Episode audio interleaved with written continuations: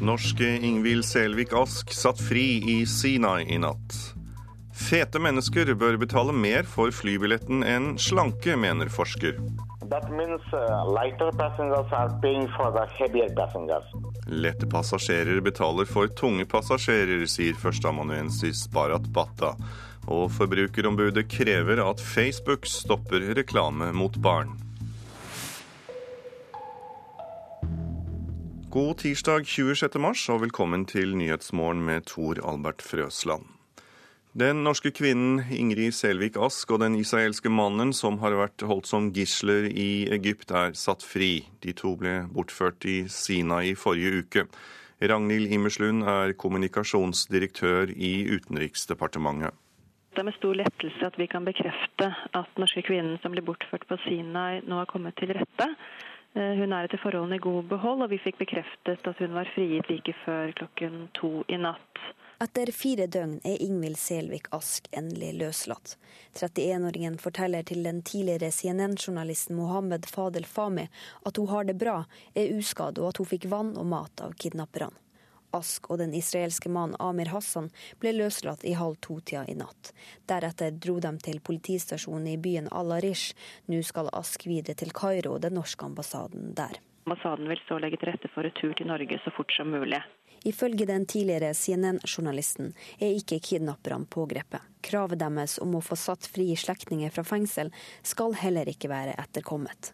Kommunikasjonsdirektør Immerslund vil ikke si hva som førte til løslatelsen. Det er egyptiske myndigheter som har eh, hatt ansvaret for eh, arbeidet som førte til løslatelsen, og detaljene i det er det egyptiske myndigheter som eh, må svare for. Vi er svært takknemlige for den jobben som egyptiske myndigheter har gjort, og samarbeidet med dem har vært utmerket. I tillegg så har norske ambassaden i Kairo hatt nær kontakt med ledere på høyt nivå i beduinmiljøet både i nord og Sør-Sinai. Eh, og til sammen så har det, dette da altså ført til den løsningen som vi alle håpet på. Reporter var Kristine Svendsen. Og Ingvild Selvik Ask og den israelske mannen møtte pressen i natt og ble intervjuet etter gisseldramaet. I'm very, very happy that I can go home to Norway and to see my family, to stay with my friends that I love so much. And I'm just very relieved that this is now over. Flere mennesker med tilknytning til Norge er gisler i Sinai. En eritreisk familie i Bergen har en datter som sitter fanget som gissel i ørkenen. I går kom 19 år gamle Hivet Kalab Vlede Mariam til Bergen. Den unge kvinnen satt eh, som gissel i fem måneder etter at hun flyktet fra Eritrea. Den eritreiske familien våger ikke fortelle om jenta som nå sitter som gissel. Jeg er også en ung flikke. Familien bor i Bergen. Planen var at hun skal til slutt komme til Norge. Det ser Meron Estifanos. Den svensk-eritreiske journalisten kjenner til om lag 30 personer med bånd til Norge som sitter fanga i ørkenen i Egypt. De færreste, bergensfamilien inkludert, våger å stå fram eller si ifra til Utenriksdepartementet. Jeg tror det er ikke familien, men det er andre som har skremt dem. Nei, men gjør ikke det, og du kanskje blir forfulgt. eller... Og så skal det handle om flybillettpriser, for tunge passasjerer bør betale mer for flybilletten enn lette. Det mener en økonom og forsker ved Høgskolen i Sogndal. Vekt er nemlig viktig for flyenes drivstofforbruk. Derfor er dagens prissystem urettferdig, mener førsteamanuensis Barat Batta. That means uh, lighter passengers are for the heavier passengers. Når en som veier 50 kilo betaler samme pris for flybilletten som en som veier 100, betyr det egentlig at de lette betaler deler av billetten for de tunge. Det er verken kostnadseffektivt eller rettferdig, mener transportøkonomen. This is not fair. This is not justified. Hvis det derimot er sånn at den lette personen har tatt med seg litt for mye bagasje, risikerer han eller hun å betale enda mer, selv om den samlede vektbelastningen på flyet kan være mye mindre enn fra en tung person med lite bagasje. Dette bør flyselskapene ordne opp i og finne en praktisk løsning på, mener Batta. Uh, practically, I think uh, this is uh, this is possible to implement. Man kan løse dette på flere måter, men det enkleste og billigste er kanskje å dele passasjerene inn i tre prisgrupper etter vekt, mener han. More than 100, 75 to 100, less than 75. Man kan også tenke seg kombinasjonsløsninger der man ser personvekt og bagasje under ett. Men ikke noe av dette er aktuelt å innføre verken for Norwegian eller SAS, selv om pressekontakt Tormod Sandstøy SAS ikke bestrider at vekt er viktig. Vekt er absolutt eh, viktig for flyskapet. Det handler om hvor mye fuel man bruker. Men eh, det å begynne å snakke om vekt opp mot passasjerer, det, for oss er det veldig fremmed. Og vi er vel rimelig sikre på at også våre kunder og passasjerer ikke ville synes det var en særlig, eh, ville blitt særlig godt tatt imot. Så det, for oss er det bare egentlig helt uaktuelt å tenke på. Reporter Tom Ingebrigtsen. Da har jeg fått besøk i studio av en påskebrun og uniformert eh, herremann. Ola Gladsø, velkommen skal du være. Takk skal Du ha. Du er landsrådsleder for Røde Kors hjelpekorps, og du har vært på Gol og informasjonssentralen til Røde Kors. Og Hvordan har folk klart seg så langt i påskefjellet? Det har vært stor utfart, og det medfører jo noen flere hendelser enn når det som i fjor var liten utfart. Men generelt så er det veldig, veldig fin start på påska i Sør-Norge. Hva er det oppdragene dere har utført har gått ut på? Ja, det har vært eh, en god del henteoppdrag, folk som har skada seg eller blitt syke. Så er det noen få ettersøkninger. Og så har vi dessverre hatt sju snøskred som vi har vært involvert med i, så langt i påska i år. Når du snakker om skader, på hvilken måte er det folk skader seg? Det kan jo være fall som medfører brudd. Det kan være sårskader. Og så kan det være sykdom på egen hytte. Og hva er det vi brekker? Er det armer eller ben? Ja, det er nok eh, armene det går mest utover, men noe breinskade er det også. Og i morgen så starter påskeutfarten for eh, alvor. Hva er det dere er spesielt obs på i år? For det første så er det jo veldig fint vær i Sør-Norge nå. I Nord-Norge så er det litt mer nedbør og en del vind. Men i Sør-Norge så er det så fint vær at eh, man må være litt obs på dette med sola. Samtidig så er det kaldt om natta, så man skal være også klar over at uh, utpå ettermiddagen så blir det kjølig. Og spesielt barn bør være, må være obs på i den sammenhengen. Sol, solskader både for øynene og huden er viktig å tenke på. Du nevnte at dere har også vært involvert i skred som har eh, gått, eh, og det har jo vært flere skred de siste dagene. Hva skal folk som er ute på tur eh, være spesielt obs på når det gjelder skred? De må gjøre seg kjent med de skredvarslene som gjelder generelt, og de må gjøre seg kjent med hvordan det er forholdene lokalt. Og vi har en vinter hvor her på Sørlandet, eller i Sør-Norge, spesielt på Vestlandet, mye lagdeling av snøen fordi at det ikke har vært så mye mildvær som har pakka den sammen. Og Da kan en skiløper utløse et skred. Så gjør seg kjent, og så unngå bratte hellinger. Ja, Hvor bratt snakker vi om da? Ja, Det normale er å si at man advarer imot å gå brattere enn 30 grader. Og går du i 30 grader, så har du allerede begynt å klatre en del. Det er som et underrenn i en hoppbakke. Det er så, såpass, altså? Ja. Så det skal en del til. Men det kan gå skred på plasser som man ellers ikke har regna med det går skred også. Så det gjelder da altså å unngå de bratte heng eller oppforbakker for den slags skyld, eh, for å da unngå å skulle løse ut og, da i, i, verste fall bli tatt av, av skred. Men har du ellers noen oppfordringer til folk som skal til fjells, eh, eller som allerede er der? Ja, det er å komme seg ut. Bruk disse dagene. Men eh, altså, velg tur etter evne, som vi sier. Ikke legg ut på en lengre tur enn du har forutsetninger for. Ta med litt ekstra utstyr, klær, mat, og nyt dette påskeværet som vi har nå. Ja, her i Sør-Norge har vi jo vært eh, velsignet med det gode været. Det har vært mer rufsete nordpå. Men eh, når folk da er ute, enten de er på tur eller de holder seg i alpine anlegg, hvor er det folk skader seg mest? Vi har en jevn fordeling mellom terreng og alpinanlegg. Hittil i påska så er det noe mer i anlegg, alpinanlegg og den type anlegg. Men, eh, Kanskje ikke så uventet? Ja, kanskje det. Men utover i påska, så med mer og mer turgåing, så vil det også bli en del. Det har sammenheng med den store utfarten. Det er ikke noe verre enn det.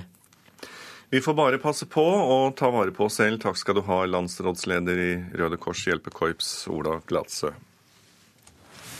Og da skal vi titte litt på hva avisene har på sine forsider. Aftenposten forteller oss at foreldre som mister barna sine, krenkes av politiet. Politiet lot ikke en mor få holde datteren sin da barnet på ett år døde. Fremskrittspartiet vil ha med rød-grønn grasrot på veidugnad, skriver Klassekampen. Helseminister Jonas Gahr Støre ber Stortinget endre loven slik at straffeansvaret ikke gjelder for folk som benytter seg av ulovlig surrogati, skriver Vårt Land. Nasjonen kan fortelle oss at flest vil ha Jens som statsminister, og Erna er hakk i hæl på en måling. Bestikkelser fra Yara skal ha gått til libysk eks-statsminister, det kan Dagens Næringsliv fortelle oss. Og bestikkelsene skal være kamuflert gjennom overbetaling for gjødsel. Dagbladet tar opp boligene våre og kan fortelle oss hvor helsefarlig de er. Og VG forteller om lykkelige par som har funnet tilbake til hverandre etter samlivsbrudd. OL i Oslo kan bli stoppet, forteller Dagsavisen. Det er en samlet Tromsø-benk på Stortinget som vil stanse planene om et OL i 2022. Dek Sharif har ifølge Finansavisen gått på en stjernesmell, men Tommy Sharif avviser at Sharifs dekksenter er konkurs. Og Fedrelandsvennen har den løslatte kvinnen på Sina-halvøya på sin første side, for den 31-årige mandalskvinnen er i god form. Bergensavisen forteller at her skal det gå unna når avisen tar for seg nytt tunnelprosjekt mellom Bergen vest og Fana. Og Bergens Tidende har også fremtidens trafikkavvikling på forsiden, der over halvparten av de spurte sier de vil ha bro over Bjørnafjorden for fremtidens fergefrie E39. I Trondheim er antall tiggere fordoblet, forteller Adresseavisen på sin forside. Og Nordlys har bilde av turgåere som blåser i skredvarslene dagen etter dødsskredet, og de beveger seg inn i skredfarlig område.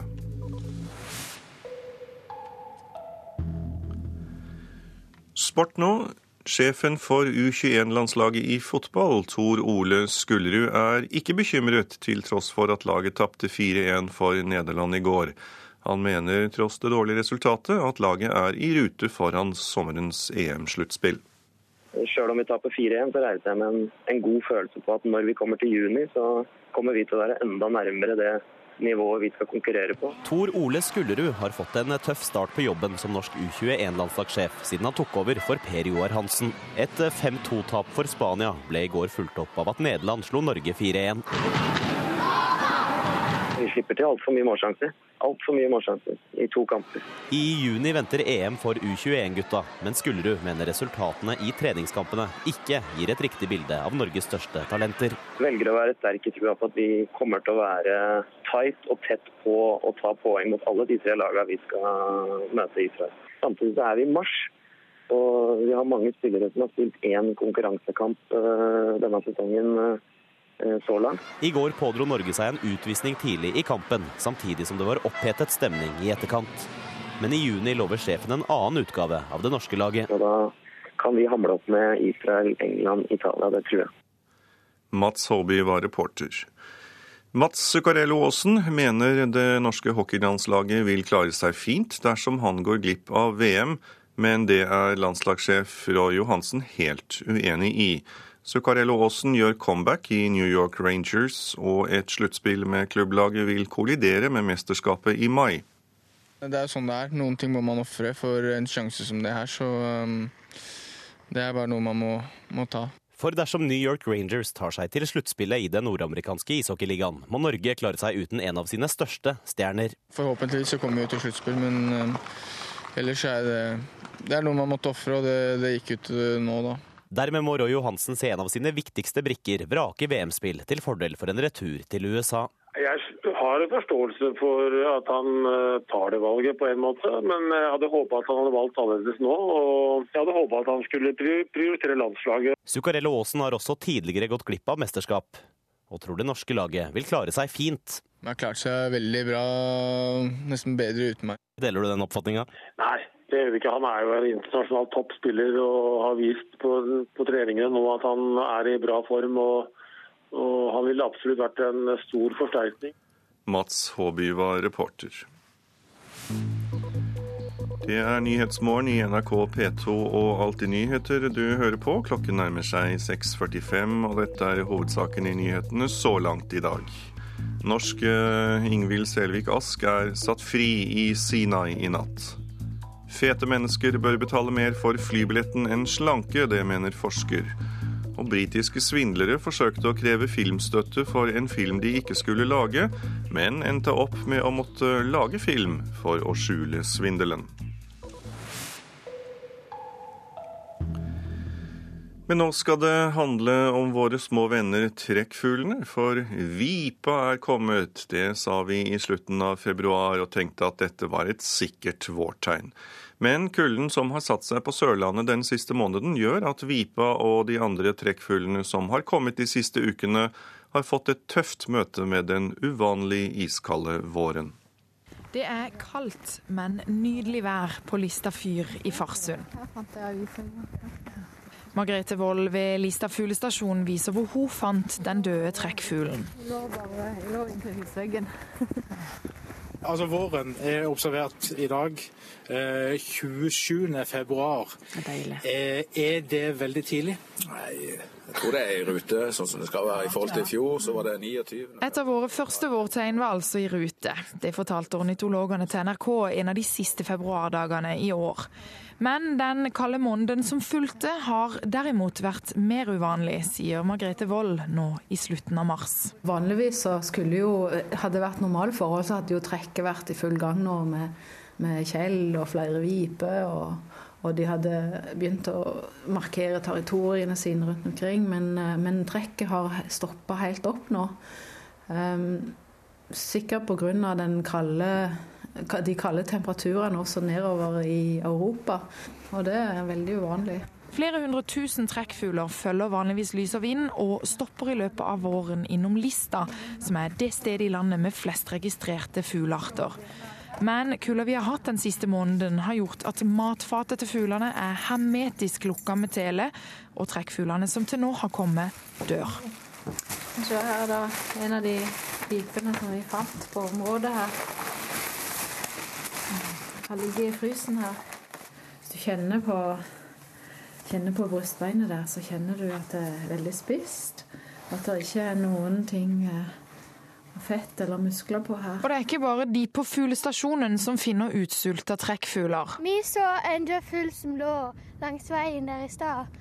Så ja, vi syns veldig synd på de der. Veldig dumt. Det var en som fortalte at det, han har sett en uh, fugl som sto liksom med nebbet og hakka nesten fast i bakken for å finne noe. Men det var lite. ja.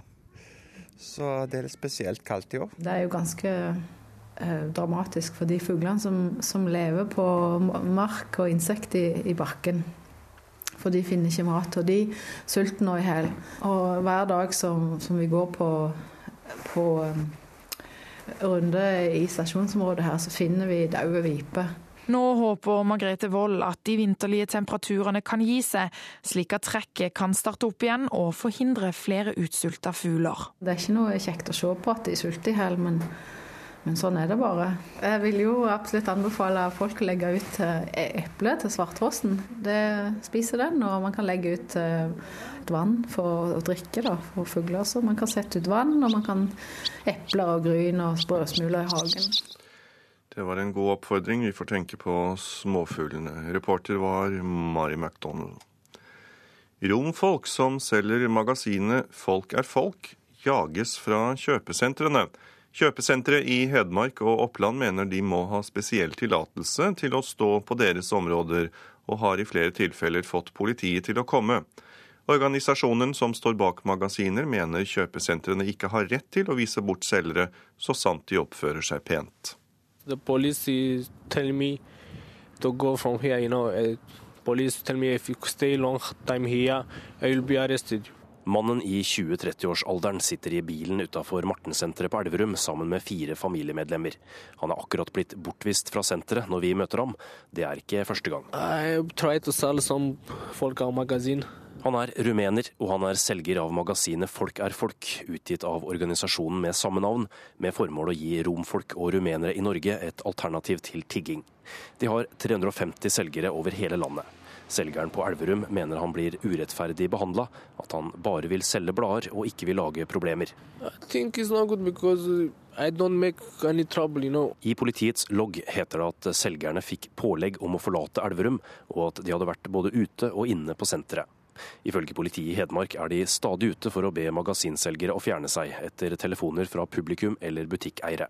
Senterleder ved Mortensenteret, Lene Faråsen, sier alle som vil selge noe på eller utafor senteret, må be om lov. Når det gjelder folk er folk, også sånne type altså bladselgere, så har vi sagt nei til alle de. Uh, og når det gjelder folk av folk, så har de heller ikke kontakta oss og spurt, i hvert fall ikke som jeg klarer å huske nå. Faråsen sier de som eier av grunnen også kan vise bort folk som selger ute foran inngangen eller på parkeringsplassen. Det samme sier kjøpesentre i flere andre byer vi har vært i kontakt med. Men det er Bjønnulv Evenrud uenig i. Han er redaktør for Folk er folk og arbeidsgiver for selgerne, og mener senterområdet er å sammenligne med en sentrumsgate. Vi mener at disse stedene er offentlige områder hvor allmennheten, du og jeg og andre har lov til å oppholde seg. Så da trenger de egentlig ikke en tillatelse? Nei, man skal ikke trenge tillatelse for å gå på gata. Men Politidirektoratet går langt i å gi kjøpesentrene rett. Området utenfor hovedinngangen er å regne som privat i denne sammenhengen, sier seksjonssjef og jurist Steinar Talgø. I dette tilfellet her så er det jo snakk om da arealer som er i umiddelbar tilknytning til kjøpesenteret. Og eh, da vil dette i utgangspunktet være et eh, privatrettslig forhold mellom kjøpesenteret og den som ønsker å drive en eller annen form for næringsvirksomhet på området. Men Evenrud i Folk er folk håper saken kan bli avklart av en domstol. Eh, da, da må de rett og slett ta det til retten, og så får vi en avklaring på det. Og så bør man unngå å drive og jage folk i mellomtida. Reporter var Erlend Moe. Forbrukerombudet ber Facebook passe bedre på barna. Reklamen på det sosiale nettstedet havner ofte på sidene til barn og unge. I Norge er det ulovlig å rette reklame direkte mot barn, men nettstedet skaper gråsoner. Nå krever forbrukerombud Gry Nergård at Facebook skjermer mindreårige mot reklame. Ja, hei. Her ser vi jo et uh, spill, en app som er um, kommer som reklame i newsfeeden av såpass stor interesse for barn at hvis den kommer direkte i newsfeeden til barn, så mener vi at det kan være i strid med forbudet mot direkte kjøpsoppfordring til barn. På Facebook får barn og unge tilbud om å kjøpe spill, klær, konsertbilletter og mye annet. Det bekymrer forbrukerombud Gry Nergård. I nyhetsstrømmen blandes meldinger fra private venner og kommersielle aktører i en strøm av oppdateringer. Og Det kan jo være veldig vanskelig for barn å skjønne egentlig at det er reklame, for det første. Og for det andre så er det jo et spørsmål om det rett og slett er ulovlig å gjøre det på den måten. Den nedre aldersgrensen for å være på Facebook er 13 år. Og Forbrukerombudet mener Facebook må sørge for at barna blir bedre beskyttet.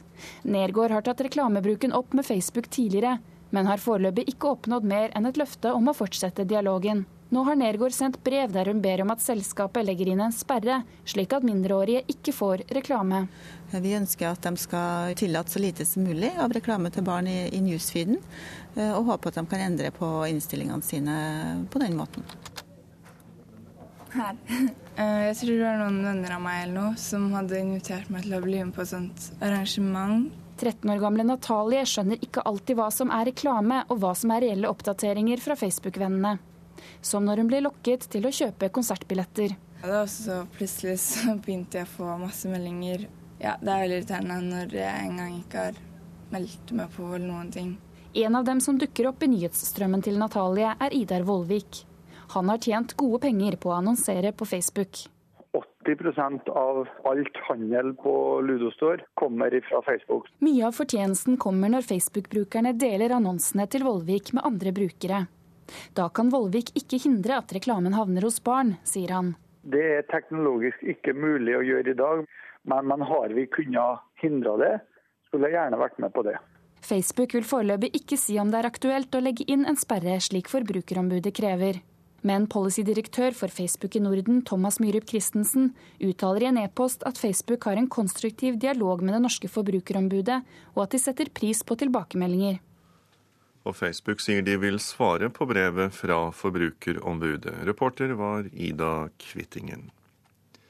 I Storbritannia er fem personer dømt til fengsel i opptil seks og et halvt år for å late som de skulle lage en storfilm med kjente Hollywood-skuespillere. Planen var å få utbetalt filmstøtte uten å lage filmen. Men når skattemyndighetene luktet lunten, skyndte de seg riktignok å lage en film for å skjule svindelen.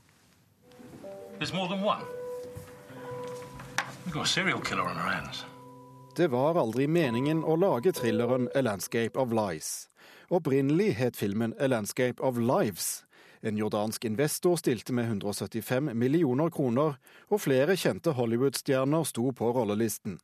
Det var i hvert fall historien som ble servert det britiske filminstituttet. Alt var bare tull. Planen var å kreve 25 millioner kroner i momsrefusjon og skattefradrag for en film som aldri skulle bli laget. Det hele minner i grunnen om noe som godt kunne skjedd på film. You can't build cover stories around a movie that doesn't exist. If I'm doing a fake movie, it's going to be a fake hit. Og jammen handler ikke Argo, som fikk Oscar for beste film for bare en måned siden, nettopp om å late som man lager film. Her som en CIA-operasjon i Iran. Men tilbake i Storbritannia ble i går ettermiddag fire menn og en kvinne dømt for filmsvindelen. Hjernen bak fikk seks og et halvt år. De andre fikk henholdsvis tre og et halvt, fire og fire og et halvt år i fengsel. Um,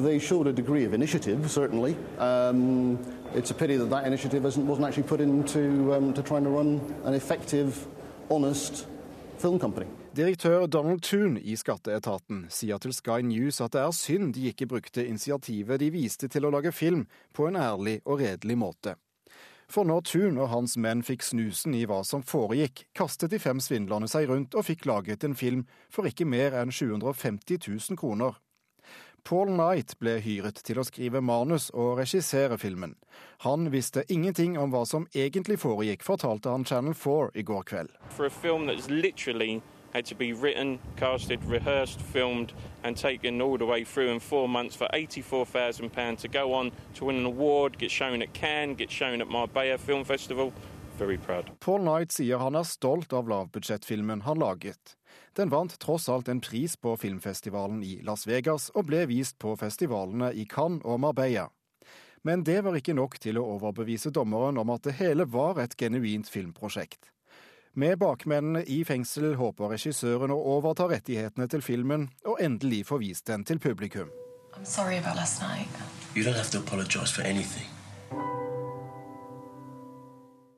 Og reporter var Thomas Alvarstein Ove. Eh, Laurentius. Hun sa Laurentius. Radioteatrets påskekrim. Han ble kasta ut, sier du. Han kan ikke bare hoppe av? Nei, det kan han ikke. Han var død før han ble kastet ut av tårnet. Sankt Laurentius' tårer starter skjærtorsdag i NRK P2. Tilgjengelig på nrk.no når du vil.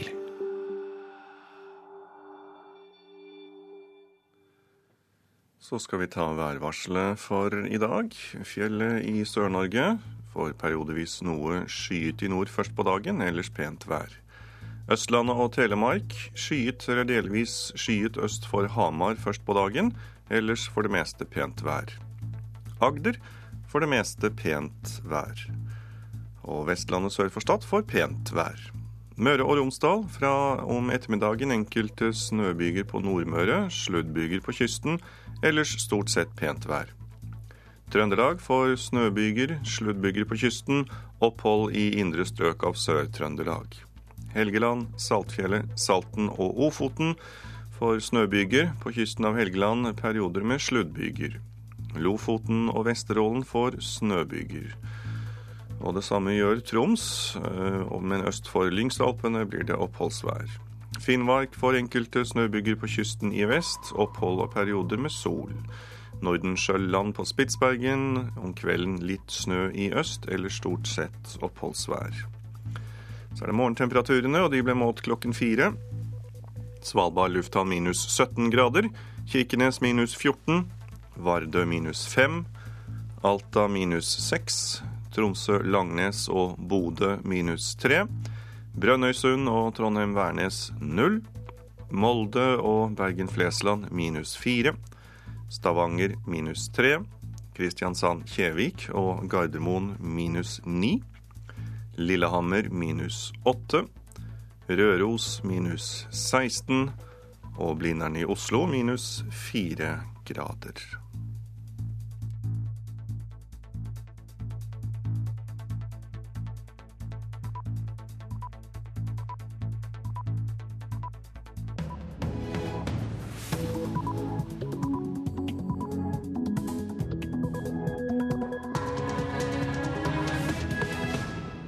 Der slo klokken sju, og du lytter til Nyhetsmorgen med Tor Albert fra Østland i studio, og her er nyhetsoppdateringen vår. Gisseldramaet i Sinai er over. Norske Ingvild Selvik Ask er i sikkerhet. I am very, very happy that I can go home to Norway and to see my family, to stay with my friends that I love so much. Det sa Ingvild Selvik Ask da hun møtte pressen i natt.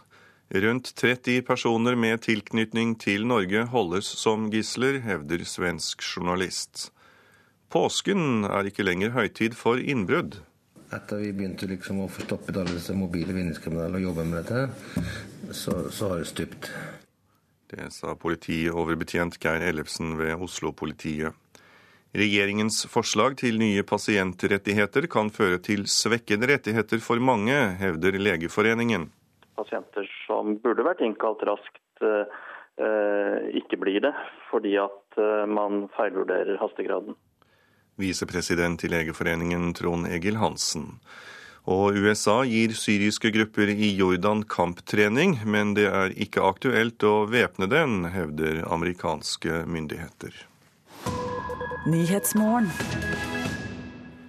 Den norske kvinnen Ingvild Selvik Ask og den israelske mannen som har vært holdt som gisler i Egypt, er satt fri. De to ble bortført av beduiner i Sinai i forrige uke. Og det var en lykkelig Selvik Ask som møtte pressen etter gisseldramaet.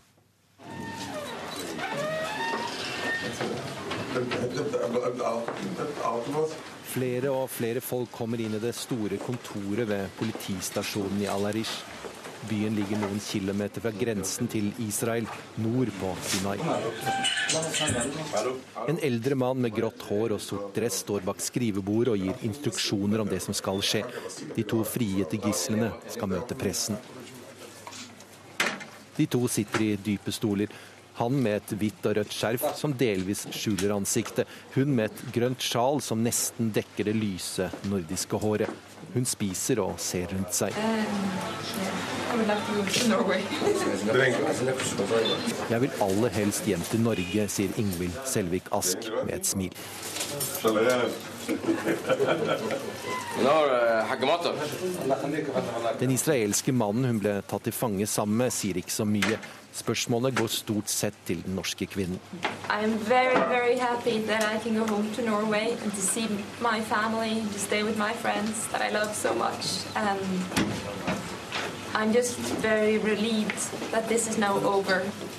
jeg er så glad for å være fri, og at jeg kan dra til Norge og møte min familie, er budskapet hun sender hjem gjennom mikrofonen til Reuters-journalisten.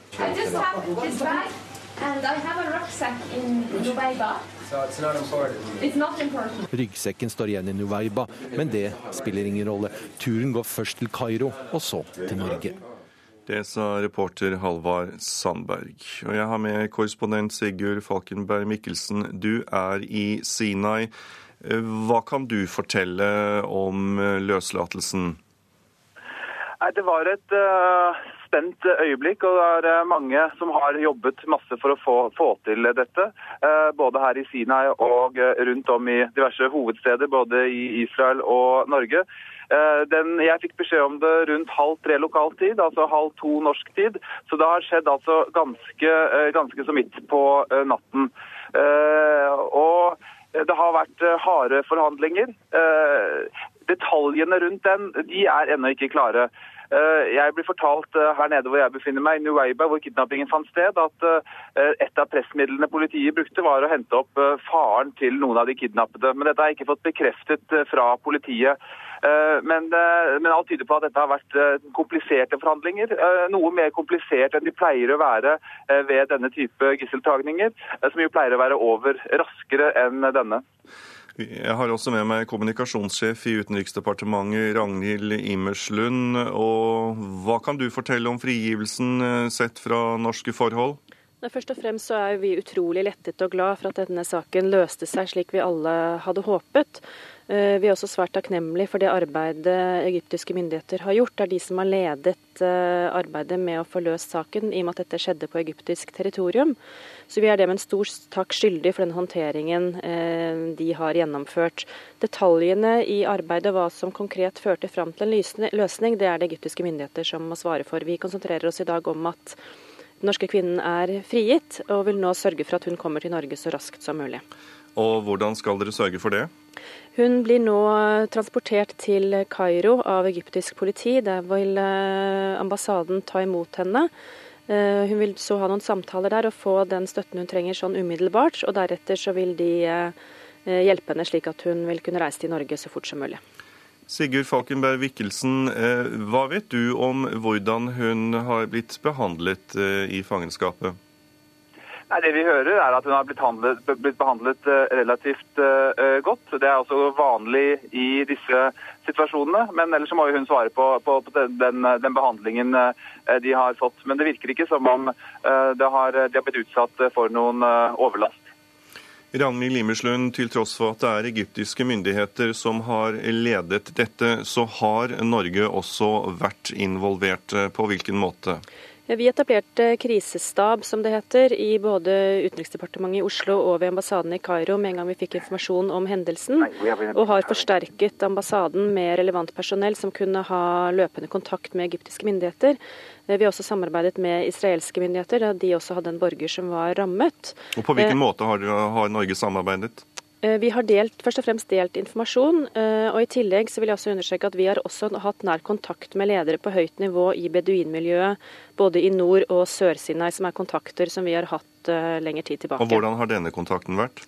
Eh, dette har vært samtaler, først og fremst også for å innhente informasjon eh, og dele informasjon om situasjonen. Men igjen, det er egyptiske myndigheter som har ledet arbeidet, og det er eh, dem vi i dag takker for at dette her gikk så bra. Ja, det forstår vi. Sigurd Falkenberg Mikkelsen, for de som ikke har det helt klart for seg, hva var det som skjedde torsdag i forrige uke?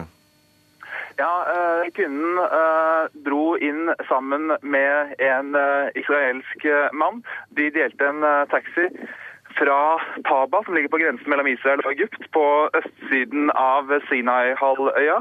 Det er et uh, risikabelt terreng å ferdes i alene. Uh, det har vært uh, kidnappinger i området tidligere. Og skjedde, denne kidnappingen skjedde da en ca. 7-8 mil fra Taba, mellom de to kjente stedene Taba og Dahab.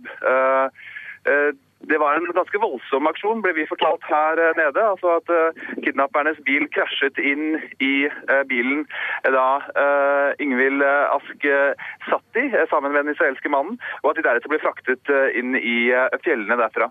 Hva slags område er dette, Sigurd? Eh, det er et område som egyptiske myndigheter har eh, svært liten kontroll over. Eh, og Det er talende i så måte at denne kidnappingen skjedde ikke langt unna kontrollposter som politiet har. og Den skjedde på hovedveien, som er hovedferdselsåren på Sinai-halvøya. Så her har egyptiske myndigheter liten kontroll. Ragnhild Limerslund, vi hører altså at egyptiske myndigheter har liten kontroll, og at kidnappinger av denne art eh, finner sted. Eh, disse gisseltakerne som tok den norske kvinnen, eh, hva slags krav hadde de? Hva kan du si om det, Imerslund? Igjen, dette er det egyptiske myndigheter som eh, har best oversikt over. Det er de som har vært i direkte Har ikke norske myndigheter fått vite noe? Eh, vi vet en del, men i og med at dette er en da? sak som er håndtert av egyptiske myndigheter, så er det de som må gi detaljene i hvilke krav gisseltakerne eventuelt har fremmet, og hva som eventuelt førte til en løsning. Men hva er det dere vet, siden du sier dere vet en del? Som det er ikke informasjon som vi ønsker å gå ut med, da dette er egyptiske myndigheters ansvar. Vet du noe om eh, gisseltakerne fikk eh, kravene sine igjennom? Det kjenner jeg heller ikke til. Kjenner du noe til det, Sigurd Falkenberg Mikkelsen? Nei, vi har ikke fått uh, kontakt med politiet i uh, morgentimen og ikke fått ut noe mer informasjon uh, rundt gisseltakernes krav. Det de krevde var altså at to familiemedlemmer som satt fengslet i Ismailia i Egypt, skulle frigis. Men så vidt jeg forsto på folk her nede, så et av problemene var at en av de som satt fengslet, satt inne for meget alvorlige hendelser. og Det gjorde at det var vanskeligere denne gangen for egypterne å, å, å frie dem, hvis det er det som har skjedd. Takk Midtøsten-korrespondent Sigurd Falkenberg Mikkelsen, og takk også til kommunikasjonssjef i Utenriksdepartementet Ragnhild Imerslund. Og da skal vi høre at flere mennesker med tilknytning til Norge er gisler i Sinai. En eritreisk familie i Bergen har en datter som sitter fanget som gissel i ørkenen. I går kom 19 år gamle Hivet Kalab Vlede Mariam til Bergen. Den unge kvinnen satt fanget som gissel i fem måneder etter at hun flyktet fra Eritrea. Ifølge en svensk journalist skal 30 personer med tilknytning til Norge være i samme situasjon. Jeg har ventet så lenge. Seks år etter at Hiwet sist så mora, var gjensynsgleda stor på Flesland i går. I fem måneder satt den nå 19 år gamle kvinnen fanga i Sinaiørkenen i Egypt. Etter at hun ble solgt av menneskesmuglerne som frakta henne over grensa fra Eritrea til Sudan. En annen eritreisk familie i Bergen er i den samme situasjonen. Også de har ei datter som sitter som gissel i sine ørken. Også for hun blir det krevd løsepenger. Det er også en ung flikke. Familien bor i Bergen. Planen var at hun skal til slutt komme til Norge. Det ser Meron Estifanos. Den svensk-eritreiske journalisten kjenner til om lag 30 personer med bånd til Norge som sitter fanga i ørkenen i Egypt. De færreste, bergensfamilien inkludert, våger å stå fram eller si ifra til Utenriksdepartementet. Det er jo skremmende. Folk er veldig redde. Vi kommer jo fra en veldig verdens verste diktatur her i Eritrea, der man får ikke si noe.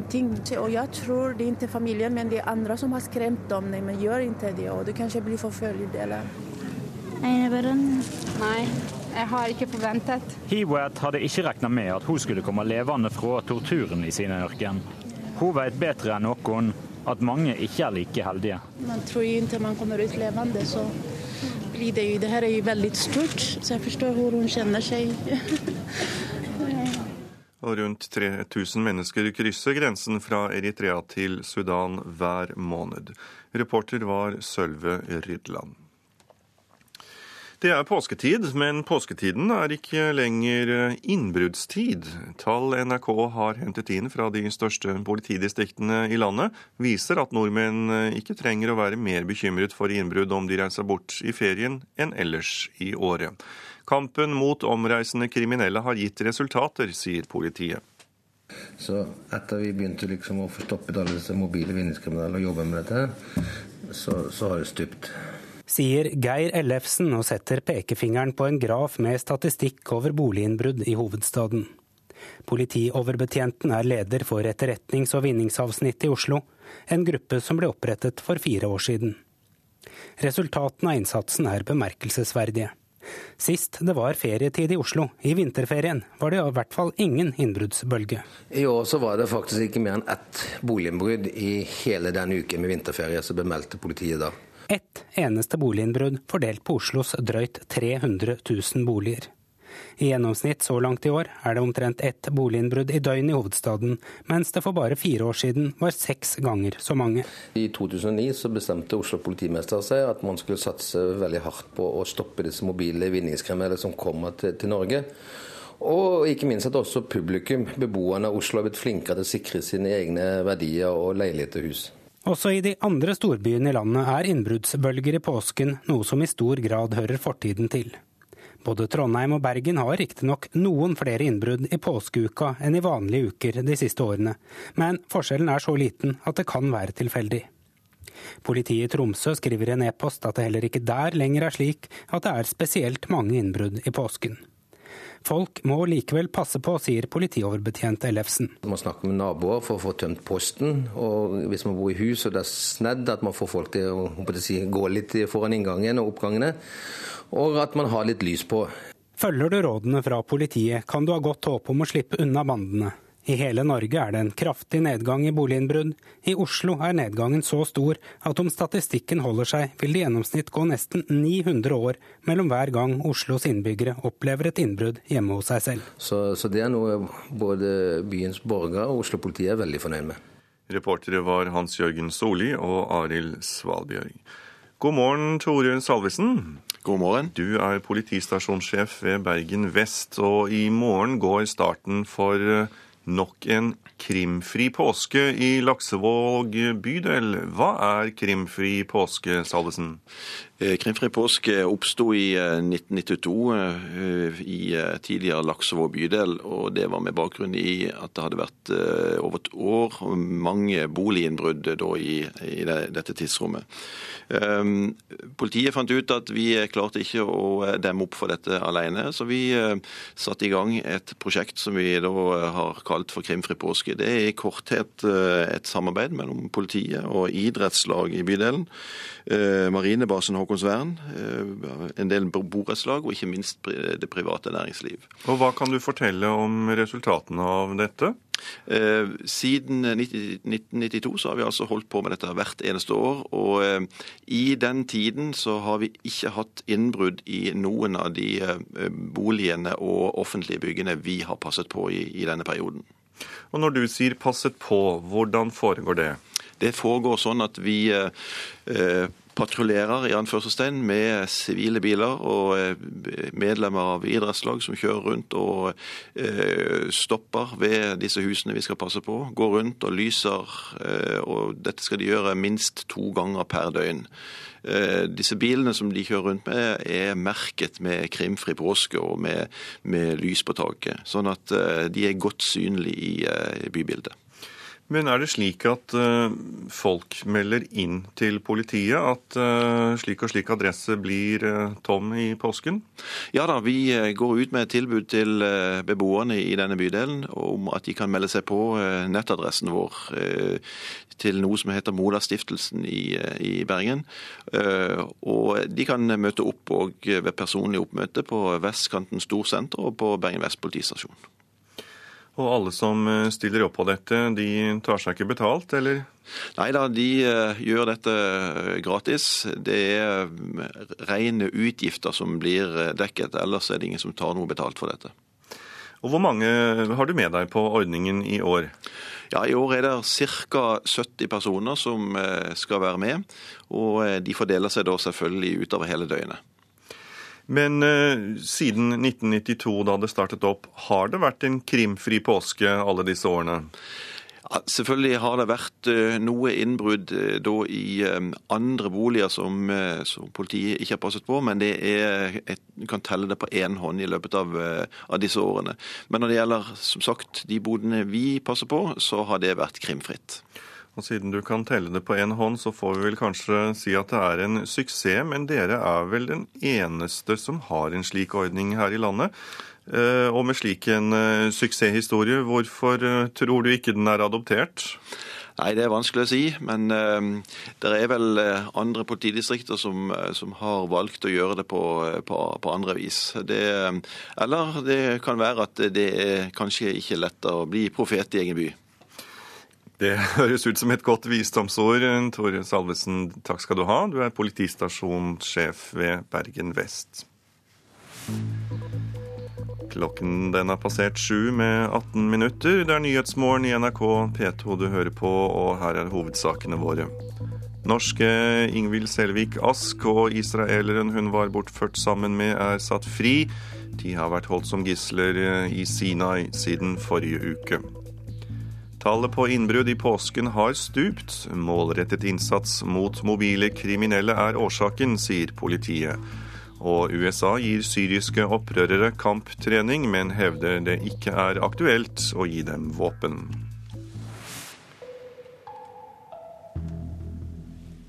Men nå skal det handle om pasientrettigheter. Den norske legeforeningen frykter at et forslag om nye pasientrettigheter tvert imot gir svekkede pasientrettigheter. Regjeringen går inn for å henvise pasienter eh, skal få langt raskere tilbakemelding fra sykehusene enn nå. Men det har også en ulempe, mener visepresident i Legeforeningen Trond Egil Hansen.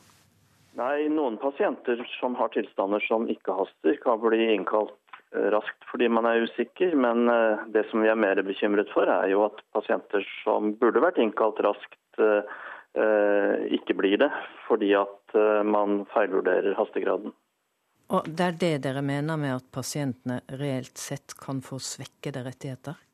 Det er riktig. At nettopp det at prioriteringsbeslutningene må tas på grunnlag av mindre opplysninger enn hittil kan gi vridningseffekter. Helse- og omsorgsdepartementet vil endre pasientrettighetene, slik at flere enn nå får rettigheter.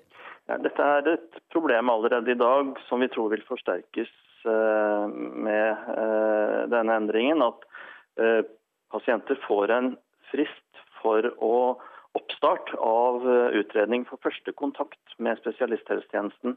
Men det løser ikke det problemet at pasienter får lang ventetid senere i forløpet. F.eks. For når situasjonen er avklart og det er besluttet at pasienten trenger en operasjon, så kan det være lang ventetid på det. Vi vil selvfølgelig eh, lese den høringsuttalelsen grundig og se om det er behov for å gjøre endringer i det vi har foreslått. Men hovedlinjene mener jeg er veldig viktige, nemlig at man skal ha et enkelt, forutsigbart system, slik at eh, folk får god informasjon og får behandling innen en medisinsk forsvarlig frist. Sier statssekretær Robin Koss i Helse- og omsorgsdepartementet. På Oslo universitetssykehus fant han 7065 fristbrudd i 2011, men bare 244 av dem, eller vel 3% tok kontakt med Helseøkonomiforvaltningen for å få raskere hjelp. Nå får sykehusene dette ansvaret, sier Kåss. Vi mener at uh, dette systemet vil gjøre det enklere uh, å gi uh, pasientene rask behandling. Men ikke minst vil det gjøre det mer forutsigbart for pasientene. Det at man raskere skal få en dato for når man skal på sykehuset. Det at alle med et behov får en juridisk frist å forholde seg til. Og at det går automatikk i at sykehuset rydder opp hvis de ikke klarer å holde fristen. Og flere sykehus og fagmiljøer synes regjeringens intensjon er bra, men påpeker at forslaget vil koste både tid og mer penger. Reportere var Hedvig Bjørgum og Katrin Hellesnes. God morgen, Knut Fredrik Torne. God dag. Du er pasientombud i Oslo og Akershus. Hva syns du om den nye loven om pasientrettigheter? Vi som er pasientombudet i Norge, vi eh, mener at i all hovedsak så er de foreslåtte endringene veldig fornuftige, sett fra pasientenes eh, ståsted. Så du deler ikke Legeforeningens bekymring? Nei, vi er ikke så bekymret som Legeforeningen er i denne saken. Vi... Hvorfor ikke det? Nei, Vi mener at det vil være en fordel for pasientene å få en rask avklaring og få en rask vurdering. Hvorfor er det en fordel? Eh, det er klart at det å gå i det uvisse og ikke vite, det er en belastning eh, i seg selv. Eh, det vil selvfølgelig bli stilt store krav til de legene som, som henviser her, da fortrinnsvis fastlegene. Eh, når det gjelder da å fylle ut henvisningene. Større krav enn i dag, slik du ser det? Ja, altså det blir viktigere at eh, det er gode henvisninger som sendes fra fastlegene. Og vi som er pasientombud, vi eh, opplever dessverre altfor ofte at henvisningene er både uriktige og ufullstendige.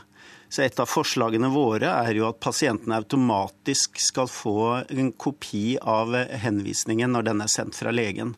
Da vil pasientene kunne følge opp og se at eh, for det første at henvisningen er sendt, og for andre kan de da korrigere hvis eh, den er uriktig eller inneholder mangelfulle opplysninger. Det var ansvaret fra de som henviser, men hvilket ansvar eh, legges, eh, legger disse endringene på sykehusene, altså der hvor pasientene ankommer? Det er klart at uh, dette her er jeg helt enig med sykehusene. Dette forslaget her vil selvfølgelig koste penger. Det er viktig at det følges opp med midler også til sykehusene, så de kan få gjennomført dette innen de foreslåtte fristene. Til tross for eh, intensjonen om at eh, alt skal da gå raskere, så frykter Legeforeningen at ventetiden på selve operasjonen ikke vil bli kortere. Hva tror du? Ja, Det her vil jo ikke hjelpe noe på, på innholdet i Altså når du får behandling. Nei. Og Det er jo der problemet er for en del eh, typer diagnoser i dag. Så er det veldig lange ventetider. Og Fins det noen løsning på det med de nye rettighetene? Det er klart at eh, det at nå, sykehusene nå får eh, ansvaret for å sørge for at eh, pasienter som blir utsatt for fristbrudd, blir henvist til fristbruddskontoret. Det er absolutt en styrking av pasientenes rettigheter. Men det høres nesten ut som det er en rundgang, dette her? Det tenker jeg at på sikt her, når dette kommer opp og går, så vil dette komme pasientene til gode. Eh, pasienter som skulle fått behandling, eh, men ikke får det, der får sykehusene et ansvar for å sørge for at de i hvert fall får et tilbud eh, fra andre sykehus. Eller fra det private, eller i utlandet om nødvendig. Knut Fredrik Torne, pasientombud i Oslo og Akershus, takk for at du var med oss i Nyhetsmorgen. Obduksjonsrapporten etter den avdøde russiske oligarken Boris Berezovskij viser at han døde etter hengning, og at det ikke finnes spor av kamp. Det opplyser britisk politi. Ifølge politiet skal det gjennomføres flere tester for å undersøke om det finnes spor av gift i kroppen til Berezovskij. Den kypriotiske sentralbanken opplyser at finansministeren i landet har bestemt at bankene i landet skal være stengt til torsdag. Bankene har vært stengt siden 16.3 for å unngå at kundene tok ut alle sine midler. Et jordskjelv har rammet utkanten av Guatemalas hovedstad, men det er ikke meldt om større skader. Jordskjelvet ble målt til 6,2 og hadde sitt senter 200 km under bakken, en knapp mil øst for Guatemala by. Australia vil hente flesteparten av sine soldater hjem fra Afghanistan innen utgangen av året. Nato planlegger å trekke sine kampstyrker ut av Afghanistan innen Eh, innen eh, utgangen av 2014, men de australske soldatene forlater dermed landet ett år før dette. USA trener syriske grupper i Jordan i et forsøk på å styrke kampen mot Assads regime. Men det er fortsatt ikke aktuelt å, være, væpne opprørerne, ifølge amerikanske myndigheter. Det er første gang amerikanske tjenestemenn bekrefter at USA gir militær opplæring til syriske opposisjonelle. Treningen har pågått i flere måneder. Soldatene omtales som sekulære krigere og er i stor grad sunnimuslimer eller fra beduinstammer som tidligere kjempet for den syriske hæren. Målet er å svekke Bashar al-Assads regime og innflytelsen til radikale islamister. Styrkene tilhører ikke den ledende opposisjonsgruppa Free Syrian Army, ifølge tjenestemenn Associated Press har snakket med. Washington frykter Free Syrian Army i stor grad påvirkes av ekstreme militante grupper, noen av dem med forbindelser til Al Qaida.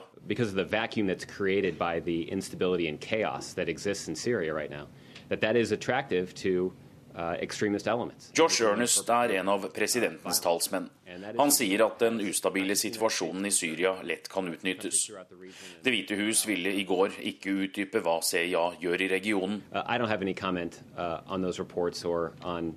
um, Men flere anonyme tjenestemenn med kjennskap til programmet har bekreftet at Etterretningstjenesten leder opplæringen i Jordan. Deltakerne kurser så andre inne i Syria men det er foreløpig uklart hvilke resultater en kan vise til. Fortsatt kontrollerer Assads styrker store deler av landet. We're also going to continue to work in international fashion to show our support for the Syrian, for the Syrian opposition, to, uh, uh, to, to offer some non-lethal support to them. Uh, Her i Washington heter det at USA kun bidrar med ikke-dødelig hjelp for tida. Det betyr at opprørerne ikke forsynes med våpen eller militært utstyr.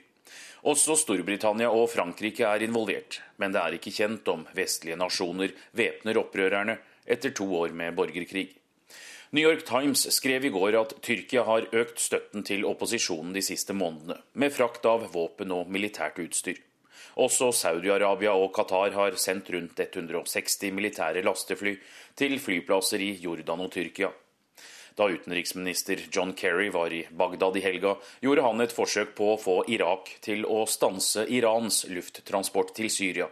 Men Irak hevder, som Iran, at lasten er humanitær hjelp og ikke våpen og krigere, som USA tror. Obama-administrasjonen har ikke vært konkret på hva slags militær trening eller støtte de gir opprørerne. Utenriksminister Kerry er ventet til Paris i morgen for å diskutere Syria og Frankrikes ønske om sterkere militært engasjement. Anders Tvegård, Washington. Det er Nyhetsmorgen i NRK P2 Alltid nyheter du lytter til. I løpet av den neste halvtimen får du Dagsnytt med Arne Fossland. Dagens utenriksreportasje er fra Russland. Politisk kvarter er ved Lars Nehru Sand. I studio Tor Albert Frøsland. Hver dag i påsken hyller Ole Paus norsk musikk i Pausposten. Det er et eller annet ved dette landet som gjør at hvis man først er født her, så har man veldig, veldig vondt for å slippe taket. Pausposten hver dag i påsken klokken ti i NRK P2.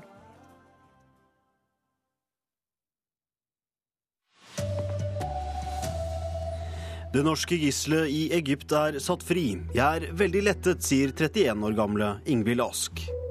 Veier du mer, må du også betale mer. Kontroversielt forslag om flypriser. Og påskeferien er ikke lenger høysesong for innbruddstyvene. Her er NRK Dagsnytt, klokken er 7.30. Ja, 31 år gamle Ingvild Selvik Ask er sluppet fri etter at hun ble bortført av beduiner i Sinai-ørkenen i Egypt. Sammen med en israelsk mann har hun vært fanget i fire døgn. Vi skal straks høre hva hun selv sa etter at hun ble løslatt. Men først til deg, korrespondent Sigurd Falkenberg Mikkelsen. Du er på Sinai-halvøya, og hva kan du fortelle om det som har skjedd? Der mistet vi altså forbindelsen med Sigurd Falkenberg Mikkelsen. Men jeg gjorde et, eh, en samtale med Sigurd litt tidligere i eh, morges. Vi kan høre hva han sa da. De to gislene ble satt eh, fri i natt. Selv ble jeg informert om dette rundt halv tre, så det skjedde nok rett i forkant av dette. Eh, vi har vært informert om at det har vært holdt eh, harde forhandlinger. Eh, det har vært, vært mange løfter om snarlig frigivelse. Men i natt løste altså situasjonen seg, og de to er nå fri. Og den norske kvinnen er tilbake, eller på vei til Kairo. For de som ikke har det helt klart for seg, hva var det som skjedde torsdag i forrige uke? De to uh, satt i en uh, bil sammen. De reiste fra den israelske grensebyen Taba på egyptisk side ned til på vei mot Dahab. Alt dette skjer på østsiden av Sinai-halvøya, et område det er farlig å ferdes i alene. Så skjedde kidnappingen eh, like ved der jeg befinner meg nå, i byen Nuaiba, eh, på vei opp en eh, bakke i fjellene der. Og Så ble de tatt med da, til en by lenger nord på Sinai og blitt holdt der siden. Kidnapperne krevde at to av deres familiemedlem, som satt fengslet i Egypt, i byen Ismailia, skulle frigis. Ja, Det sa Sigurd Falkenberg Mikkelsen da jeg snakket med ham for litt eh, over en time siden. Ja, Ingvild Selvik Ask er lettet over at hun nå er sluppet fri. Nå vil hun reise hjem til Norge.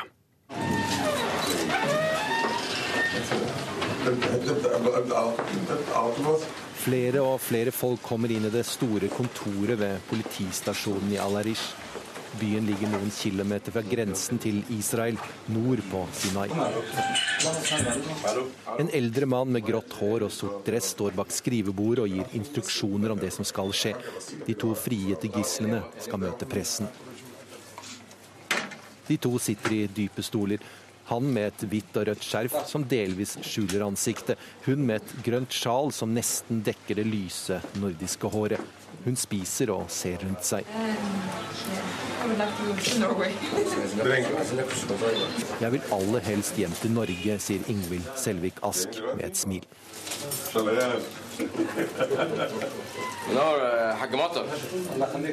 Den israelske mannen hun ble tatt til fange sammen med, sier ikke så mye. Spørsmålet går stort sett til den norske kvinnen. Very, very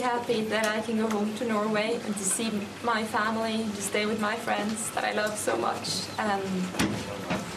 I'm just very relieved that this is now over. Jeg er så glad for å være fri, og at jeg kan dra til Norge og møte min familie, er budskapet hun sender hjem gjennom mikrofonen til Reuters-journalisten.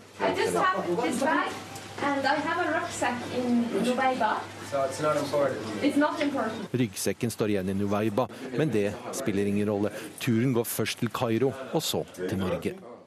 Ja, Det sa reporter Halvard Sandberg. Kommunikasjonssjef i Utenriksdepartementet Ragnhild Immerslund, hva var det som førte til løslatelsen?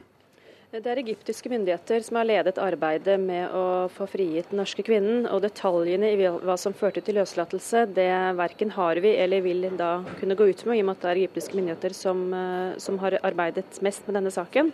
Eh, vi er nå først og fremst utrolig glad og lettet for at eh, den norske kvinnen er frigitt, og vil nå bistå henne når hun kommer til Kairo med å sørge for at hun kan komme til Norge så fort som mulig. Hvilken rolle har Utenriksdepartementet hatt i denne saken? Vi satte krisestab i Utenriksdepartementet i Oslo og i eh, Kairo da vi fikk beskjed om at den norske kvinnen var blitt eh, bortført, eh, og har styrket vår ambassade der nede med relevant personell som har jobbet tett opp mot egyptiske myndigheter. Vi har først og fremst hentet inn informasjon og delt informasjon, og i tillegg så har vi også hatt egen kontakter med ledere på høyt nivå i beduinmiljøet både i Nord- og Sør-Sinai. Hvilken holdning har Utenriksdepartementet til utbetaling av løsepenger? Norske myndigheter betaler ikke løsepenger, eh, og det har heller ikke vært aktuelt i denne saken. Men det er et prinsipp at vi ikke betaler løsepenger, og dermed belønner eh, alvorlig kriminalitet. Takk skal du ha, Ragnhild Immerslund, som altså er kommunikasjonssjef i Utenriksdepartementet. Tunge passasjerer bør betale mer for flybillettene enn de som er lette. Det mener økonom og forsker ved Høgskolen i Sogndal, Barat Bata.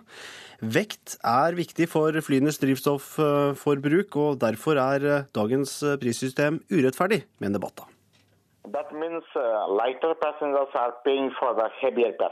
Når en som veier 50 kilo betaler samme pris for flybilletten som en som veier 100, betyr det egentlig at de lette betaler deler av billetten for de tunge. Det er verken kostnadseffektivt eller rettferdig, mener transportøkonomen. Man kan løse dette på flere måter, men det enkleste og billigste er kanskje å dele passasjerene inn i tre prisgrupper etter vekt, mener han. Men ikke noe av dette er aktuelt å innføre verken for Norwegian eller SAS, selv om pressekontakt Tormod Sandstøy SAS ikke bestrider at vekt er viktig. Vi er vel rimelig sikre på at også våre kunder og passasjerer ikke ville synes det var en særlig, ville blitt særlig godt tatt imot. Så det, for oss er det bare egentlig helt uaktuelt å tenke på. Ja, reporter her, det var Tom Ingebrigtsen. Legeforeningen frykter at et forslag om nye pasientrettigheter tvert imot gir svekkede rettigheter for pasientene. Regjeringen går inn for at henviste pasienter skal få langt raskere tilbakemelding fra sykehusene enn nå, men tidsnød kan gi feil prioritering, mener Legeforeningen. Helsedepartementet svarer at de skal lytte på Legeforeningen, og at det viktigste er at pasienter får god informasjon og en forsvarlig behandling.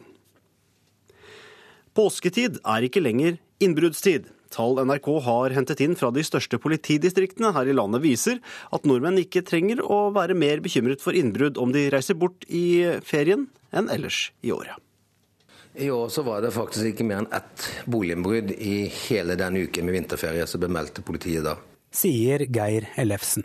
Politioverbetjenten leder etterretnings- og vinningsavsnittet i Oslo ett eneste boliginnbrudd, fordelt på Oslos drøyt 300 000 boliger, er han godt fornøyd med. I 2009 så bestemte Oslo politimester seg at man skulle satse veldig hardt på å stoppe disse mobile vinningskriminelle som kommer til, til Norge. Og ikke minst at også publikum, beboerne av Oslo, har blitt flinkere til å sikre sine egne verdier og leiligheter og hus. Også i de andre storbyene i landet er innbruddsbølger i påsken noe som i stor grad hører fortiden til. Både Trondheim og Bergen har riktignok noen flere innbrudd i påskeuka enn i vanlige uker de siste årene, men forskjellen er så liten at det kan være tilfeldig. Reportere her, det var Hans Jørgen Solli og Arild Svalbjørg.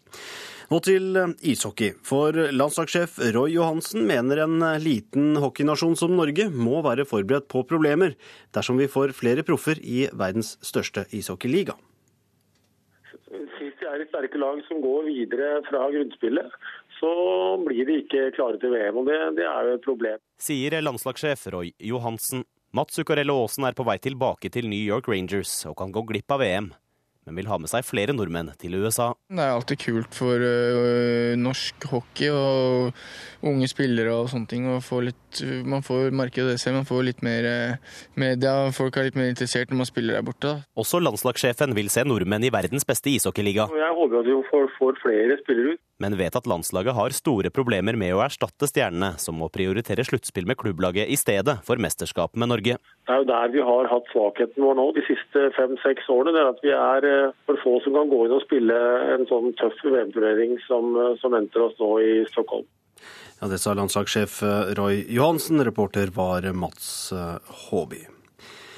Og så gjentar vi at 31 år gamle Ingvild Selvik Ask er sluppet fri etter at hun ble bortført av beduiner i Sinai-ørkenen i Egypt. I'm very, very happy that I can go home to Norway and to see my family, to stay with my friends that I love so much. Ansvarlig for Dagsnytt-sendingene denne morgenen er eh, Bjørn Christian Jacobsen. Det tekniske ansvaret hadde Per Ivar Nordahl. Jeg heter Arne Fossland. Og her i Nyhetsmorgen skal vi til Russland, for landet har vært igjennom en enorm kapitalflukt for å hvitvaske penger og unndra skatt. Og bankkrisen på Kypros har gitt oss innsikt i hvordan nyrike russere plasserer pengene sine. I går ble det klart at mange av dem kommer til å miste innskudd de har i kypriotiske banker for å betale bankenes gjeld. Allerede i forrige uke minnet statsminister Dmitrij Medvedev om at det langt fra er første gang russernes bankinnskudd blir konfiskert. Такая практика, к сожалению, достаточно хорошо была en sånn praksis var dessverre kjent for oss i sovjetperioden, da vi bare fikk veksle utenlandsk valuta etter spesielle kurser, eller ikke fikk betalt tilbake bankinnskudd i det hele tatt. Selvsagt må vi trekke noen konsekvenser av dette, sa den russiske statsministeren Dmitrij Medvedev. Oh, oh, oh,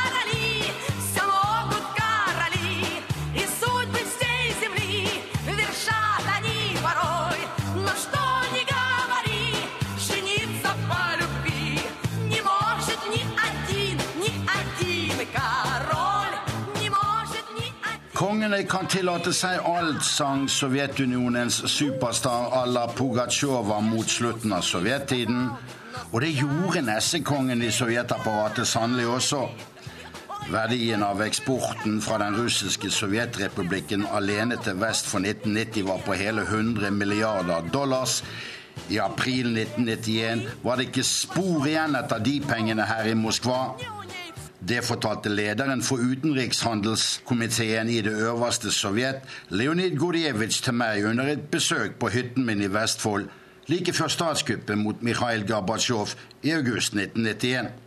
Utover 90-tallet lå den årlige kapitalflukt fra det postkommunistiske Russland på mellom 10 og 30 milliarder dollar per år. Kronåret for illegal utførsel av kapital fra Russland var året da det russiske banksystemet brøt sammen den 17. august 1998. 138 milliarder amerikanske dollar ble illegalt utført til skatteparadiser som Kypros fra Russland det året. Daværende og nåværende president Vladimir Putin advarte de nyrike mot skatteparadisene med disse ordene den 19. Juni 2002. Есть все основания полагать, что и дальше будут ужесточаться режимы использования средств, размещенных в офшорных зонах. Замучаетесь пыль глотать, бегая по судам в попытках разморозить эти средства.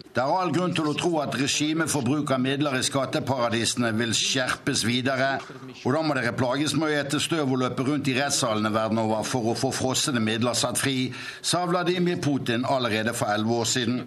Etter nyttår avslørte den russiske ligningsetaten at nyrike russere har etablert etablert firma i vest som bare eksisterer ett døgn. Formålet er å gjemme unna skatteunndragelser og hvitvaske penger, før pengeplasseringsfirmaene går i likvidasjon etter at jobben er gjort, og det går fort.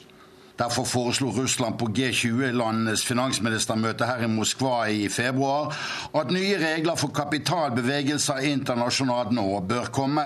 For 20 år siden het den første såpeoperaen på russisk TV 'De rike gråter også'. Nå gråter de for alvor, og det er ikke smil gjennom tårer. Det sentrale i Anton Tsjekhovs dikterverk. I novellen 'Palata nummer 6' karakteriserte Tsjekhov Russland som et galehus. Det er Russland fortsatt. Hans-Wilhelm Steinfeld, Moskva.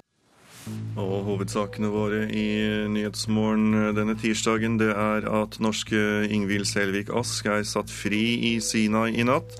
Hun og en israelsk mann har vært holdt som gisler siden torsdag i forrige uke. Påsketid er ikke lenger innbruddstid. Kampen mot omreisende kriminelle har gitt resultater. Og tunge flypassasjerer bør betale mer for flybillettene enn slanke. Det mener en økonom og forsker ved Høgskolen i Sogndal. Programleder Lars Nehru Sand er nå klar med Politisk kvarter. I går kom det triste budskapet om Inge Lønnings bortgang.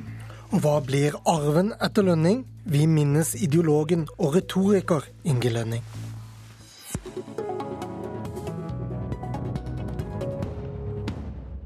Mitt inntrykk er vel kanskje at det har blitt eh, enda mer traustere og enda gråere.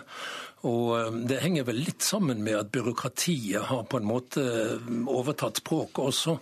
Sånn at veldig mange politikere snakker som om de var en byråsjef i et eller annet departement. Det dristigste rådet hadde jo vært å be dem om å gå tilbake til de klassiske stilidealene og lære seg latin sa Inge Lønning om norsk politikk eh, her i Politisk kvarter forrige mandag. Han var teologen og professoren som ble høyrepolitiker med sans for det prinsipielle og ideologiske. En eh, ideologisk opptatt politiker som skal bære arven videre, er deg, Torbjørn Røe Isaksen. Velkommen. Takk for det. Hva er arven etter Inge Lønning? Jeg fikk eh, I går, da jeg fikk høre dødsbudskapet, så fikk jeg en vemodig følelse av at med Inge Lønning så var det på en måte som den siste av sin type gikk ut av Stortinget. Eh, så arven etter Inge Lønning er eh, etter han som menneske, så er det, det, er, det er polemikeren, det er retorikeren, det er kunnskaps, kunnskapsrike politikeren, men det er også det er også på en måte professorpolitikeren. Altså en person som sto med ett ben solid plantet i akademia. Teolog, vår fremste Luther-kjenner, men samtidig da med det andre beinet i politikken. Og den typen politikere fins det vel eh, Ja, det fins vel kanskje noen av dem eh, igjen fortsatt, men ingen på Stortinget. Men hva kan du og andre i din generasjon, eh, hvordan kan dere best bære arven videre? Nei, det, det, er jo ingen av altså, Det, det, det fins ingen ny Inge Lønning. Så, så, på den måten er det ikke mulig. Men det jeg tror er mulig, det er jo å fortsette å diskutere ideer og prinsipper også selv om man er aktiv i den dagsaktuelle politikken. Eh, og det var jo Inge Lønning en mester til. Altså, han hevet blikket, han så de lange historiske linjene. Og det er en mangelvare i norsk politikk. Og det er noe som man er nødt til å ta seg selv i kraven og minne seg om at man er nødt til å gjøre. For det er ikke noe som nødvendigvis kommer naturlig i den ståkete dag-til-dag-politikken. Nei, for Veldig mange trekker jo frem det at han var så fri, til tross for partibok og partiprogram. Hvordan skapte og utnyttet han selv denne rollen? Nei, han var jo, nei, en ting var jo at som alle kommenterer, så, så frydet jo Inge Lønning seg over de gode formuleringene. Eh, men han hadde jo også som politiker kontroversielle utsagn og utspill. F.eks. så beskyldte han i sin tid Carl I. Hagen for å klatre opp i trærne og kaste bananer til velgerne. Ikke et umiddelbart eh, folkelig utsagn, for å si det på den måten. Eh, han, han, hadde jo også pådro seg stor vrede da han eh, i valgkampen i 2001 sa at lærerskolen i Norge ikke måtte bli et oppsamlingsheat, og tok til orde for at man skulle ha karakterkrav for å komme inn på lærerskolen. Det ble det masse bråk og bruduljer av, også internt i Høyre. Men det er verdt å legge merke til at nå, eh, ja, knappe ti år etter, litt over ti år etter, så er dette i dag politikk som ingen partier, heller ikke de rød-grønne, foreslår å fjerne. Hva taper vi på at eh, professorpolitikeren ikke er vanlig lenger, som du har vært inne på? Jeg, jeg, jeg, tror skulle, jeg, tror vi må formulere det som, som, en slags bekymring over mangfoldet i politikken. For det, det er bra på mange måter at politikken blir mer tilgjengelig. Eh, og det er viktig også å understreke at Inge Lønning, selv om han var akademiker. Eh, han var ja, latinkyndig, som vi hørte i klippet her. Så var han jo ikke en elitist på den måten at han var fjernt fra folk. Jeg har eh, reist rundt med Inge Lønning og hørt han holde foredrag for veldig mange forskjellige typer forsamlinger, og han klarte å komme i kontakt med dem alle på en veldig god måte. Men, men, politikkens bredde burde jo da gjenspeile både at man har rom til store intellektuelle som Inge Lønning, og til eh, folkelige typer, eller folk som kanskje ikke er så opptatt av akademisk kunnskap, men har praktisk livserfaring. Og det vi ser, det er jo kanskje at politikkens bredde snevres litt inn. Og da er det jo kanskje eh, På den ene siden så blir yrkesbakgrunnen til de som sitter der, snevrere. Eh, og på den annen side så, så ser vi også at skal, kravet om kravet om at alle skal snakke, oppføre seg, si det samme, også blir sterkere. Så jeg tror vaksinen, hvis du, hvis, du, hvis du, lurer på hva vaksinen er, så, så, er vel det å klare å opprettholde intellektuelle og spennende miljøer også utenfor politikken. Eh, som f.eks. For man forsøker å gjøre med tenketanker som Civita, tidsskriftet Minerva. På venstresiden har man tenketanker som Respublica, eh, Progressiv, den type ting. Eh, og hvis de klarer å bli en slags flora rundt politikken som gjør at man får det nødvendige mangfold og muligheten til å lufte ut, så tror jeg det kan være. Men han var ikke så eksempler på personen som hadde en tung faglig akademisk karriere før han kom på Stortinget først i, i 97. Eh, hva forteller det at dagens akademikere ikke vil, eller at partiene ikke evner å bygge den broen? Det er et, det er et trist faktum.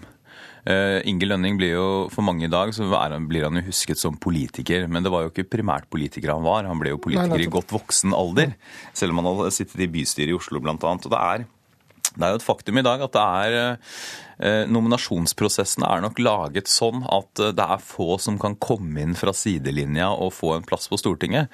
Jeg lot meg fortelle at, eh, at Inge Lønnings bror, Per Lønning, som satt på Stortinget også en periode for Oslo Høyre, han ble nærmest ringt opp av nominasjonskomiteen i, i Hovedstadspartiet og spurt om han ville ha en plass på Stortinget.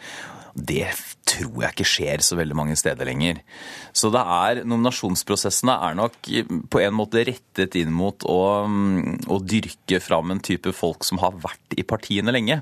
Og Det gjør at bl.a. akademikere kanskje får mer berøringsangst, eller, eller i og for seg folk som har vært lenge i yrkeslivet eller næringslivet, får problemer med å komme seg inn i politikken i voksen alder. Til slutt, Torbjørn Røe Isaksen, kan du din latin, eller må du skuffe lønning der? Nei, jeg kan ikke min, kan ikke min latin. Jeg kan, kan noen løsrevne sitater. Så, men jeg er sikker på at Inge ville vært overbærende. Takk for at du kom, Torbjørn Røe Isaksen, stortingsrepresentant for Høyre.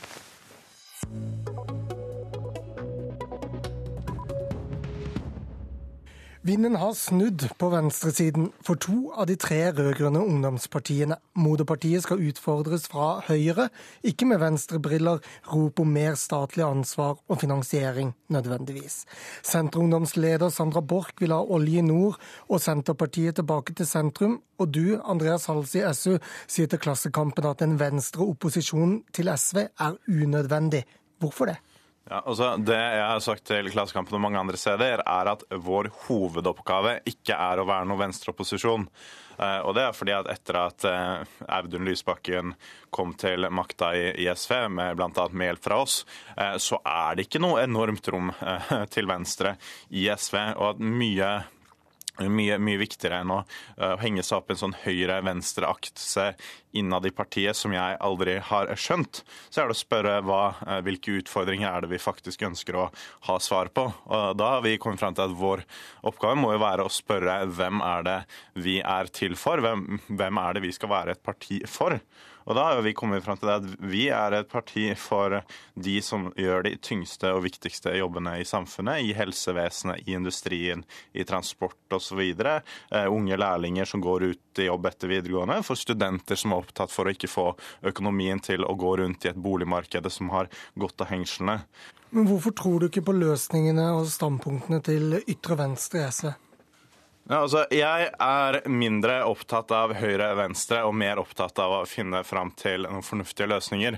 Uh, og hvem som er ytre venstre i SV til enhver tid, er det helt ærlig vanskelig for meg å skjønne. Jeg skjønner ikke hvem uh, de folkene skal være. Og så syns jeg altså hvem som er liksom høyre og venstre, varierer fra sak til sak. Uh, så det viktige for oss er ikke å henge oss opp i hva som er høyre og venstre, men å bidra til gode, konstruktive løsninger for SV og være med å breie ut partiet og nærme oss folk flest.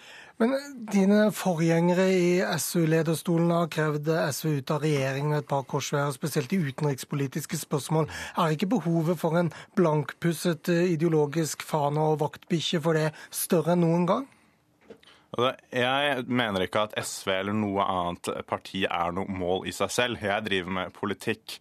Eh, for å gjøre eh, livene bedre til, eh, til, de menneskene vi mener at vi representerer som parti i Norge.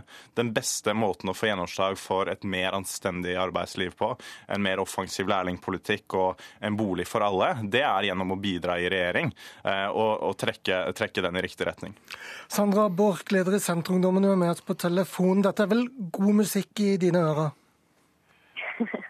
Ja, altså jeg har jo, Fra jeg ble valgt eh, til leder av Senterungdommen for litt over et år siden, så ble jo jeg valgt på grunnlag av at eh, jeg ønska å ta partiet mer mot sentrum, og også ungdomspartiet. Eh, og Det mener jeg er viktig, for jeg, føler kanskje at den velferdsstaten vi har i dag, at veldig mange tar den litt for, for gitt. Er, man må på en måte ansvarliggjøre menneskene der ute i større grad. fordi at Den velferdsstaten vi har i Norge i dag, den kommer ikke av seg sjøl. Eh, derfor er vi, er vi nødt til å også ansvarliggjøre eh, hver enkelt person i, i, veldig mange av eh, de spørsmålene, politiske spørsmålene man har vært vitne til den siste tida iallfall. Men hva slags korrektiv er det du mener ungdomspartiet skal være mot Senterpartiet i ditt tilfelle? Nei, altså Vi skal jo for det første være ei, ei vaktbikkje overfor moderpartiet. Og jeg mener jo at Senterpartiet kanskje i altfor stor grad i noen spørsmål har vært eh, litt fanga i håndveska til Arbeiderpartiet. Eh, og Da er det vårt eh, ansvar som eh, ungdomsorganisasjon å si ifra. Og Senterpartiet er jo tradisjonelt sett et parti som skal være mer i sentrum enn det jeg føler man i enkelte spørsmål i dag er. Ja, SV er vel ikke et sentrumsparti, men, men vil du ha SV nærmere Arbeiderpartiet, eller i hvert fall AUF, altså? Nei, det, det, vil jeg på ingen måte. Jeg syns at der Audun Lysbakken ligger nå, er en veldig god posisjon for eh, SV. og Derfor ser vi på det som vår oppgave å utfordre Audun ikke først og fremst på å gå til venstre, men først og fremst på å breie ut partiet. Vi har på landsmøtet fått gjennomslag for viktige saker, som å satse på eh, arbeidsliv og boligpolitikk til valgkampen. Den veien har vi tenkt å fortsette å gå og nærme oss folk. Når du spør om liksom det, det ytterste venstre, hvorfor ikke det er veien å gå, så er det jo ikke sånn, tror jeg, at det folk flest sitter og venter på eh, i dag, er mer Marx eh, og mer bok, eh, bokideologi, men flere gode svar eh, på problemer som folk opplever i hverdagen. Men ser du ja, Du har også sagt at SV er for kritiske mot oljenæringen. Hva mener du med det? Altså, jeg mener at deler av venstresida tidvis har tegna et for ensidig svartmalende bilde av oljeindustrien. At det er viktig for oss å få fram at olja har bidratt med verdiskapning og arbeidsplasser i mange tiår i Norge. At de som jobber i oljeindustrien er noen av de aller dyktigste fagfolka vi har. Men så har jeg også sagt at vi er like sterke motstandere som SV av å bore etter olje i Lofoten, Vesterålen og Senja, fordi vi mener mener at investeringstempoet på sokkelen per i dag er for høyt. Det går utover norsk økonomi, det går utover landbasert industri som ikke klarer å konkurrere. Er du enig med Borch i at venstresidens problem kanskje er at for mange er blitt for godt vant til å rope for mye på velferdsstaten? Altså, jeg, eh, jeg, tror det er eh, motsatt. At det er nesten ingen partier i dag som klarer å, utfordre på en velferdsstat som er bedre og tar vare på flere enn i dag. At motstanden eh, står nesten mellom Arbeiderpartiet, som sier at alt er perfekt nå, og Høyre og Frp som vil kutte. Eh, og Derfor så mener jeg at vi også trenger et parti som SV, som sier at vi vil faktisk omfordele enda mer. Vi vil gi litt mer skatt til de som spekulerer på boliger, og de som bytte bort formuer på, på aksjemarkedet. Og så vil vi bygge ut eh, en velferdsstat som kan si at tenna er en del av kroppen. Borch, du er ikke redd for at eh, Senterpartiet, hvis man går til sentrum, da, blir, blir for godtar for mye skattekutt og for lite velferdsstat? Nei. Eh, vi har sagt at vi ønsker å holde det på dagens nivå. Eh, og så tror jeg at eh, vi i Senterpartiet nå må ha mer fokus på næringslivet. Og Det handler jo også om at man verdsetter det private næringslivet og gründere der ute. At man kjemper for at små bedrifter og selvstendige næringsdrivende skal ha like vilkår som statlig i dag. For det føler vi, særlig i de lokalsamfunnene der ute, at det er kanskje mye av det som er problemet for å ha bosetning rundt om i hele Norge. Det er mangel på Eh, på arbeidsplasser. Tusen takk til dere, Sandra Borch og Andreas Halse. Det var et eh, politisk kvarter. Før vi tar eh, påskeferie, spør kollega Bjørn Myklebust om FrPs oppslutning. Er den 11 eller 20% To institutt forklarer seg i morgen her i Politisk kvarter. Mitt navn er Lars Nehru Sand. Nå fortsetter snart Nyhetsmorgen.